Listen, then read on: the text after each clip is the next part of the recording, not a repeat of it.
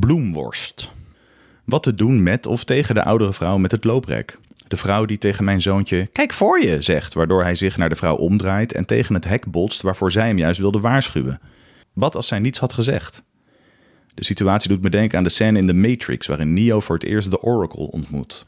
Ze zegt: Don't worry about the vase. Neo vraagt: What vase? Draait zich om en stoot aan een vaas om die op de keukenvloer valt en in scherven uiteenspat. Wat als zij niets had gezegd? Wat als niemand ooit iets zou zeggen? Gisteravond gebeurde er iets van een heel andere orde of grootte. We gingen eten en ik had Beyond Meat worsten gebakken. Worsten dus, niet gemaakt van vlees, maar van vooral geëxtraheerd eiwit van de groene splitert. Een ert waarmee het door de toegenomen populariteit van vegavlees niet zo goed ging. Als iemand weet hoe het inmiddels gaat met de ert, laat het vooral even weten. We al minder vlees, maar mijn vriendin is sinds een jaar of twee vegetariër en sindsdien zijn erten, bonen, groenten, noten en alles wat je daaruit kunt extraheren of mee kunt injecteren in ons huis dominant.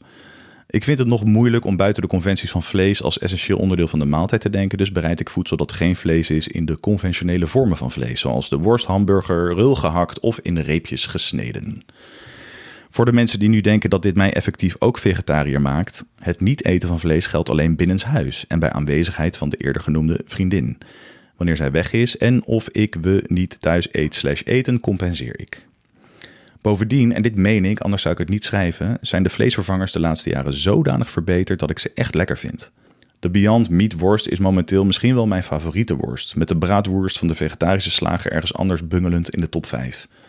De Beyond Meat hamburger is ook niet te versmaden, zeker niet met toevoeging van alle ingrediënten zoals sla, tomaat, augurk, gebakken ui, oude cheddar kaas, Hellmann's mayonaise, ketchup en eventueel nog kimchi, die een hamburger, vlees of geen vlees, niet te versmaden maken.